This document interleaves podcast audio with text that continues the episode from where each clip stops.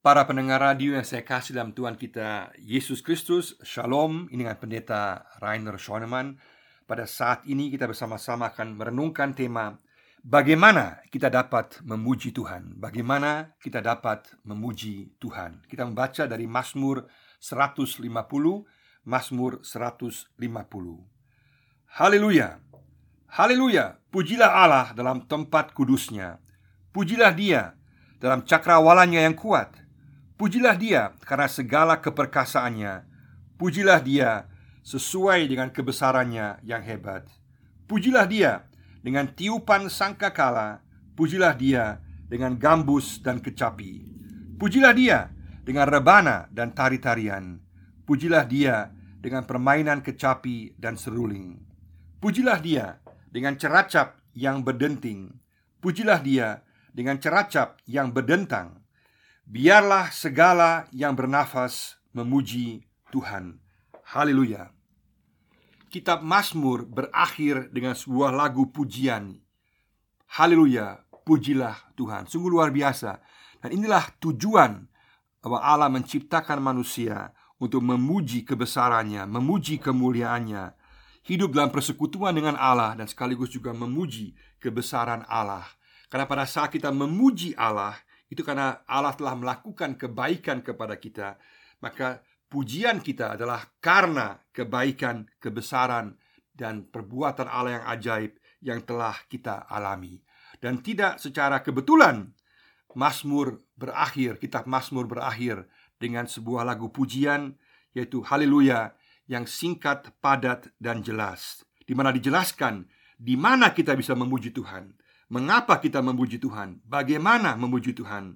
Dan juga siapa yang memuji Tuhan? Kita lihat pertama-tama di sini yang pertama adalah di mana kita memuji Tuhan. Ayat pertama yaitu di tempat kudusnya, dalam hadiratnya dan juga dalam alam semesta, dalam dunia ciptaannya. Sungguh luar biasa. Kita dipanggil untuk memuji Tuhan pada saat kita berjumpa dengan Tuhan, kita menghampiri hadiratnya. Dalam perjanjian lama jelas berkaitan dengan bait Allah di mana orang datang memuji Allah di bait Allah. Juga kemudian kita bisa memuji Tuhan dalam gedung-gedung gereja, tempat-tempat ibadah, persekutuan, tapi terutama dalam perjanjian baru adalah sangat jelas bahwa bait Allah ada dalam diri kita. Melalui pencurahan Roh Kudus, maka setiap orang yang percaya kepada Yesus telah menjadi bait Allah sehingga pada saat kita pribadi menghampiri Allah lewat persekutuan pribadi kita maka kita bisa memuji Tuhan membesarkan namanya karena setiap orang percaya adalah bait Allah. Sesuai dengan 1 Korintus pasal 3 ayat 16 dan juga 1 Korintus 6 ayat 19 dikatakan bahwa kitalah bait Allah. Sehingga di mana kita dapat memuji Tuhan di setiap tempat di mana pun kita berada. Bisa dalam gedung gereja, dalam persekutuan bersama dengan orang lain Tapi juga secara pribadi di mana pun kita berada. Karena juga kita telah menjadi bait Allah Karena roh kudus sekarang hidup dalam kehidupan kita. Dan sekaligus juga di tengah-tengah dunia ini Yang telah Allah ciptakan dalam dunia, dalam alam semesta Kita dapat memuji dan membesarkan Tuhan. Sungguh luar biasa. Yang kedua adalah di sini Mengapa memuji Tuhan? Mengapa kita memuji Tuhan? Itu ayat yang kedua dijelaskan. Mengapa? Karena kuasanya, keperkasaannya yang luar biasa dan kebesarannya yang hebat.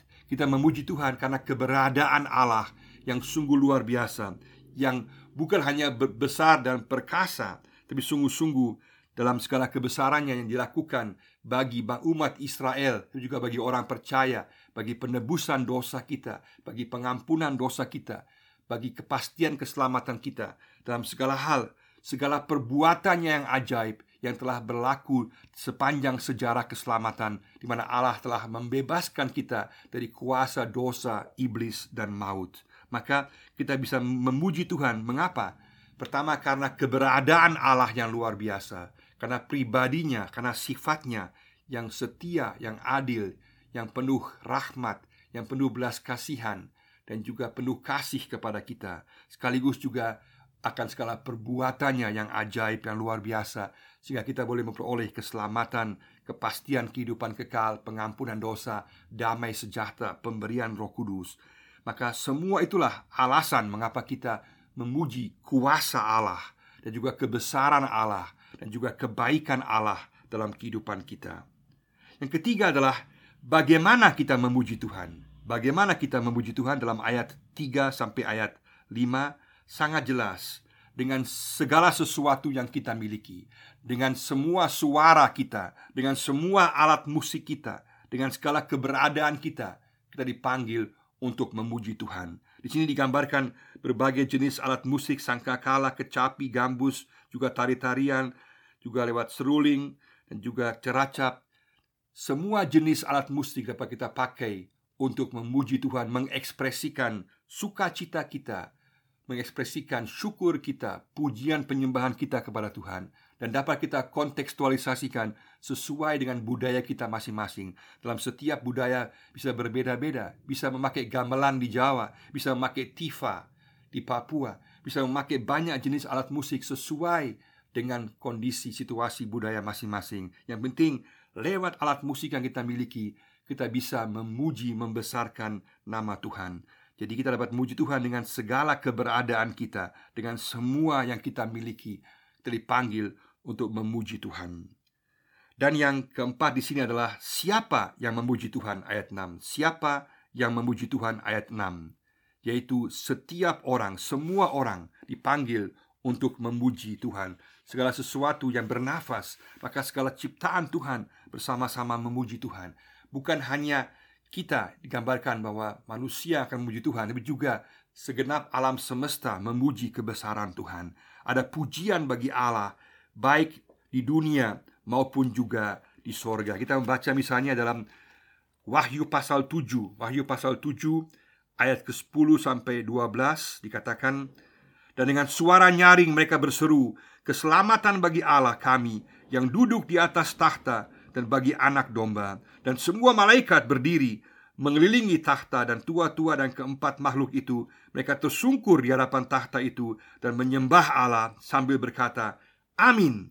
Puji-pujian dan kemuliaan dan hikmat dan syukur dan hormat dan kekuasaan dan kekuatan bagi Allah kita sampai selama-lamanya. Amin kita semua yang telah mengalami kebaikan Tuhan, telah mengalami keselamatan Tuhan, mengalami pemeliharaan Tuhan, yang dikasihi, dihargai oleh Tuhan, kita semua dipanggil untuk ikut menyembah Tuhan dalam segala situasi kehidupan kita, dalam menyembah Dia di mana pun kita berada.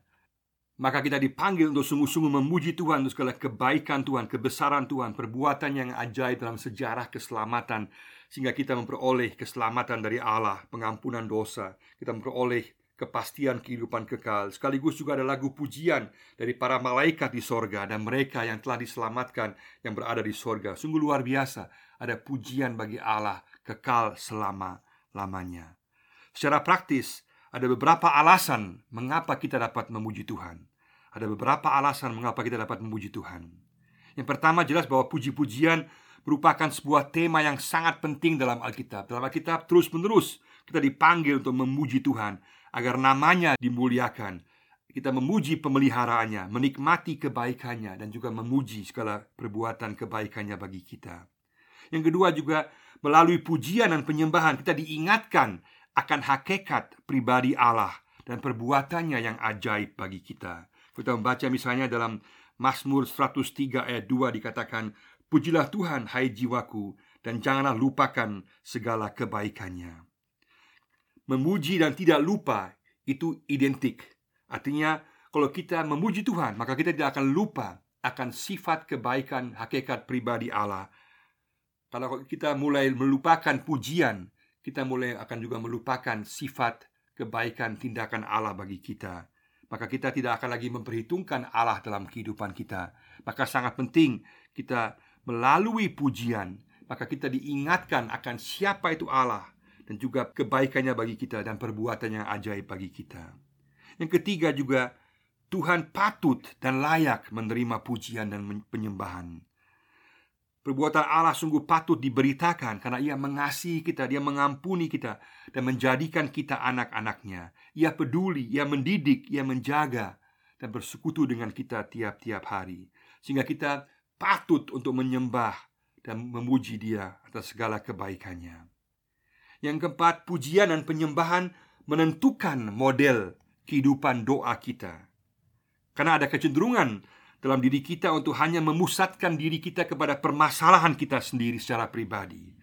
Tetapi dalam pujian penyembahan, kita mengarahkan fokus kita, perhatian kita, terutama kepada Tuhan, kepada siapa Tuhan itu, hakikatnya, pribadi, sifatnya.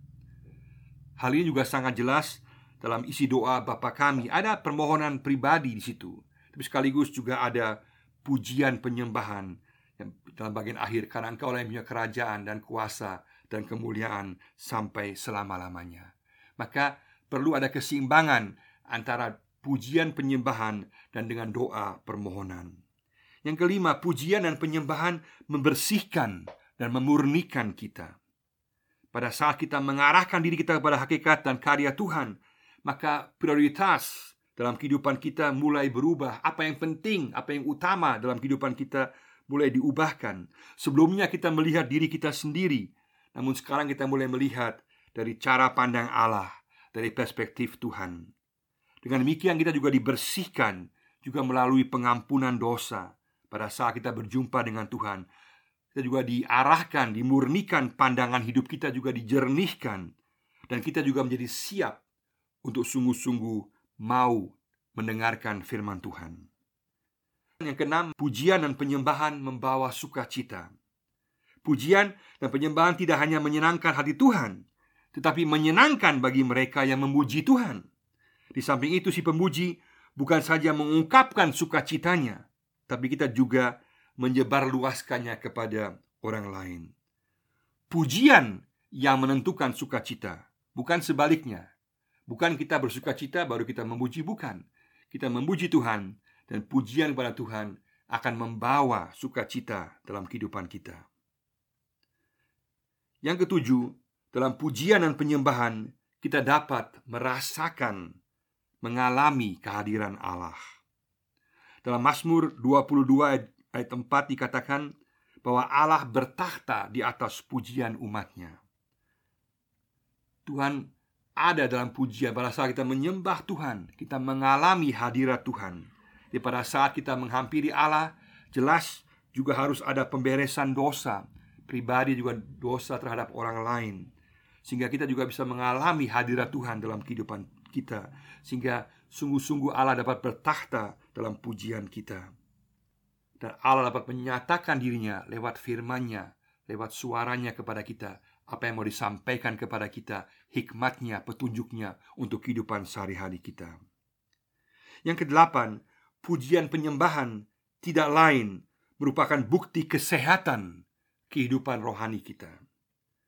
Kita menjadi sehat pada saat kita menyembah Tuhan. Manusia menjadi tenang apabila dekat dengan Allah dan memujinya. Orang-orang lebih senang dekat dengan orang-orang yang memuji daripada yang menggerutu.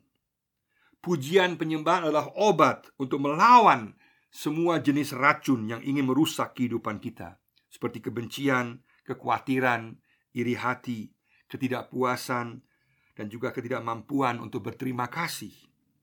Kalau kita lihat lagu hati yang gembira adalah obat Dari Amsal 17 ayat 22 juga jelas bahwa hati yang gembira adalah obat Pada saat kita gembira karena menyembah Tuhan, memuji Tuhan Maka itu akan membuat suasana hati kita Sungguh-sungguh dipenuhi dengan sukacita Tuhan Dan juga mampu untuk mengalahkan, mengenyahkan segala jenis racun Yang ingin merusak kehidupan kita Banyak penyakit dibuktikan secara medis disebabkan karena alasan psikosomatis.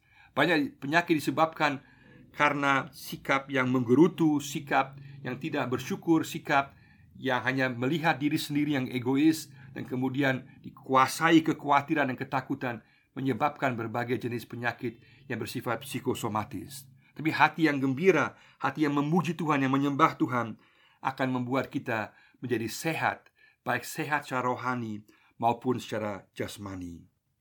Yang kesembilan, pujian penyembahan memiliki kuasa untuk merubah pribadi dan dunia. Sebagai contoh, di penjara Paulus dan Silas memuji Tuhan. Kemudian pintu penjara terbuka. Ada kesaksian yang luar biasa dari seorang Kristen di Cina yang dihukum bekerja sepanjang hari di lubang untuk membersihkan tinja. Dan hal itu hanya dapat dihadapinya dengan kuasa memuji Tuhan. Luar biasa. Orang-orang Kristen pertama mati syahid dalam sikap pujian yang kemudian menjadi kesaksian bagi banyak orang. Melalui pujian penyembahan, alam sadar dan tidak sadar kita dipengaruhi oleh roh sukacita, keyakinan akan kebaikan Tuhan, ucapan syukur dan sikap memandang kepada Tuhan dan segala kebaikannya, kebesarannya dalam kehidupan kita. Maka pujian penyembahan memiliki kuasa untuk merubah pribadi kita dan juga merubah dunia dan juga lingkungan sekitar kita. Yang ke-10, pujian penyembahan merupakan pekerjaan utama para penghuni sorga. Memuji Tuhan berarti meningkatkan taraf dan kualitas hidup kita sesuai dengan rencana Allah. Artinya, setiap jenis pekerjaan kita kita lakukan untuk memuji Tuhan. Para malaikat dan orang percaya di sorga digambarkan mereka memuji Tuhan dalam Wahyu pasal 7 tadi. Dan sekaligus juga mereka bekerja, mereka melayani Tuhan. Dan dalam setiap pelayanan Tuhan itu yang mereka lakukan, karena mereka lakukan dengan ucapan syukur dengan kesungguhan, mereka membawa kemuliaan bagi Tuhan. Maka pekerjaan mereka menjadi penyembahan. Tuhan juga rindu agar setiap pekerjaan yang kita lakukan setiap pelayanan yang kita lakukan membawa kemuliaan bagi Tuhan, membawa dampak berkat bagi orang lain, tapi juga membawa kemuliaan bagi Tuhan. Secara praktis, mari sama-sama kita lihat beberapa petunjuk bagaimana kita bisa menyembah Tuhan secara pribadi. Bagaimana kita bisa menyembah Tuhan secara pribadi. Yang pertama, kita perlu memperhatikan semua bagian firman Tuhan yang berbicara mengenai pujian.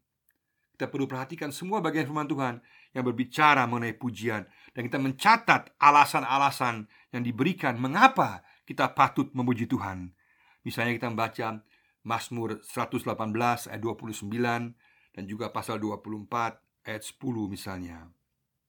Yang kedua, biasakan diri untuk memulai dan mengakhiri renungan dengan memuji Tuhan, dengan pujian penyembahan. Artinya kalau kita rencanakan, kita biasakan kita selalu memulai dengan pujian penyembahan pada Tuhan dan mengakhirinya dengan penyembahan bagi Tuhan. Di tengah-tengahnya ada permohonan, ada pembacaan firman Tuhan, tapi kita mulai dan mengakhiri dengan pujian penyembahan. Yang ketiga, dalam pujian penyembahan, arahkanlah pujian kepada nama-nama Allah, hakikat Allah, dan gambaran tentang Allah yang ada dalam Alkitab. Nama-nama Allah, hakikat Allah, gambaran tentang Allah Itulah hal-hal yang perlu kita puji, kita sembah karena itu menggambarkan siapa Allah dan apa yang dia lakukan untuk kita. Misalnya nama Allah Adonai 400 kali muncul sebagai Tuhan. Kata El atau Allah yang perkasa dalam kejadian 31 ayat 13. Atau El Chai Allah yang hidup Mazmur 42 ayat 3. Atau El Roy Allah yang melihatku Kejadian 16 ayat 13 atau berbagai gambaran tentang Allah sebagai tabib misalnya kejadian 15 ayat 26 sebagai benteng Mazmur 18 ayat 3 sebagai keselamatan Yesaya 43 ayat 11 sebagai bapa ulangan 32 ayat 6 atau juga hakikat sifat Allah yaitu setia kejadian 7 ayat 9 suci 1 Samuel 2 ayat 2 tak berubah 1 Timotius 1 ayat 17 baik Mazmur 25 ayat 8 Setiap hari kita dapat mengambil satu elemen dari pribadi Allah dan juga dari sifat Allah. Kita dapat merenungkannya Kita dapat memuji Tuhan untuk segala hakikatnya Segala sifatnya yang semua dia limpahkan kepada kita Yang semuanya dia tujukan kepada kita. Yang keempat, upayakanlah untuk tetap memuji Tuhan Walaupun dalam keadaan sulit. Tetap memuji Tuhan walaupun keadaan sulit. Memuji Tuhan artinya kita mengungkapkan kebenaran tentang Allah, dan hal itu mengangkat hati dan pikiran kita dari situasi di mana sepertinya tidak ada harapan, dan mendapatkan kekuatan, penghiburan, dan cara pandang baru dari Allah. Pada saat kita mengalami kesulitan, mengalami berbagai pergumulan dan dipanggil untuk menyatakan kebenaran Allah, itu akan mengangkat hati kita, pikiran kita, sehingga kita mendapatkan harapan baru, kepastian baru, pandangan yang baru, penghiburan yang baru. Ada 60 Mazmur yang bersifat ratapan dan diawali dengan ratapan, tapi kemudian diakhiri dengan pujian kepada Tuhan. Kita baca misalnya Mazmur 56 sampai juga pasal 64. Mazmur 56 sampai Mazmur 64 ada berbagai jenis ratapan yang kemudian diakhiri dengan pujian. Kita boleh dan harus jujur di hadapan Tuhan. Kita boleh membawa ratapan kita. Kita boleh membawa pergumulan kita. Sekaligus kita tidak berhenti dengan ratapan kita. Sekaligus kita memandang dan kita memegang teguh janji perkataan Tuhan, yaitu hakikatnya, sifatnya, pribadinya yang sungguh-sungguh luar biasa, perkasa, ajaib, penuh kasih, penuh kebaikan bagi kita, sehingga kita meyakininya. Maka pada saat kita dalam keadaan sulit, kita mendapatkan kekuatan baru, pandangan baru. Yang kelima, dalam penyembahan pribadi kita, kita bisa biasakan diri untuk menyebutkan paling sedikit tiga alasan pribadi kita mengapa kita hari ini dapat memuji Tuhan. Sebutkan tiga alasan pribadi yang telah kita alami pada hari ini, mengapa kita bisa memuji Tuhan. Kalau kita biasakan setiap hari, maka hati kita, pikiran kita akan dikuasai oleh pujian penyembahan syukur kepada Tuhan. Yang keenam, perhatikanlah dan bacalah secara khusus teks-teks pujian dan penyembahan dalam Alkitab. Biasakan juga untuk membaca teks-teks pujian dan penyembahan dalam Alkitab. Misalnya, Kejadian 15 ayat 1 dan 2. Ulangan 32 ayat 3 dan 4. 1 Samuel 2 ayat 1 dan 2. 2 Samuel 22 ayat 2 dan 3. Nehemia 9 ayat 5 Ayub 36 ayat 24 sampai 26 Mazmur 3 ayat 4 Mazmur 7 ayat 18 Mazmur 8 ayat 2 dan 3 Yesaya 6 ayat 3 Wahyu 4 ayat 11 Wahyu 7 ayat 12 Wahyu 19 ayat 1 Kolose 1 ayat 16 Filipi 4 ayat 4 sampai 7 Judas 24 dan 25 dan seterusnya. Carilah dan fokuslah kepada teks-teks pujian penyembahan dalam Alkitab dan jadikanlah itu sebagai dasar untuk menyembah memuji Tuhan. Yang ketujuh, bernyanyilah dan mainkanlah alat musik pada saat kita menyembah Tuhan. Bernyanyilah dan mainkan alat musik kalau kita mampu, kita memainkan alat musik untuk menyembah Tuhan. Setiap pujian kita diterima oleh Tuhan tidak bergantung pada bagusnya suara kita atau hebatnya permainan musik kita. Allah melihat hati kita. Bersama-sama kita membawa pujian kita, lagu kita, ungkapan syukur kita, dan juga dengan pujian, nyanyian, sekaligus juga dengan alat musik kepada Tuhan. Allah melihat hati kita bahwa kita sungguh-sungguh mengasihinya dan kita bersyukur dan menyembah Dia. Yang kedelapan, yang terakhir, pujilah dan menyembahlah Tuhan bersama dengan orang lain. Pujilah dan menyembahlah Tuhan bersama dengan orang lain. Bukan hanya menyembah Tuhan secara pribadi, tapi juga biasakan diri untuk juga menyembah Tuhan bersama-sama dalam kelompok dengan orang-orang lain, untuk saling menguatkan, untuk sungguh-sungguh saling menguatkan satu dengan yang lain, saling menghibur. Dan juga mengembangkan suatu pola pujian penyembahan yang baik. Untuk sungguh-sungguh fokus kepada Tuhan, untuk mengenal akan hakikat sifat Tuhan yang juga mempengaruhi kehidupan sehari-hari kita. Kita dapat membuatnya sesuai dengan kelompok umur kita, selera musik kita, dan juga dengan keadaan kita. Tapi pasti jangan hanya memuji Tuhan secara solo saja. Jelas, banyak situasi kita menyembah Tuhan sendiri, tapi juga kita biasakan diri untuk menyembah Tuhan dalam persekutuan dengan orang lain, supaya kita saling menguatkan, saling menghibur, dan juga pujian penyembahan kita menjadi kemuliaan bagi nama Tuhan. Mari bersama-sama kita menjadi orang-orang Kristen, orang-orang percaya, murid Yesus yang sungguh-sungguh membiasakan diri untuk menyembah Tuhan, memuji Tuhan, menjadikannya bagian dalam kehidupan kita. Kiranya Tuhan memberkati kita sehingga kita menjadi penyembah-penyembah dalam roh dan kebenaran. Tuhan memberkati kita semua. Amin.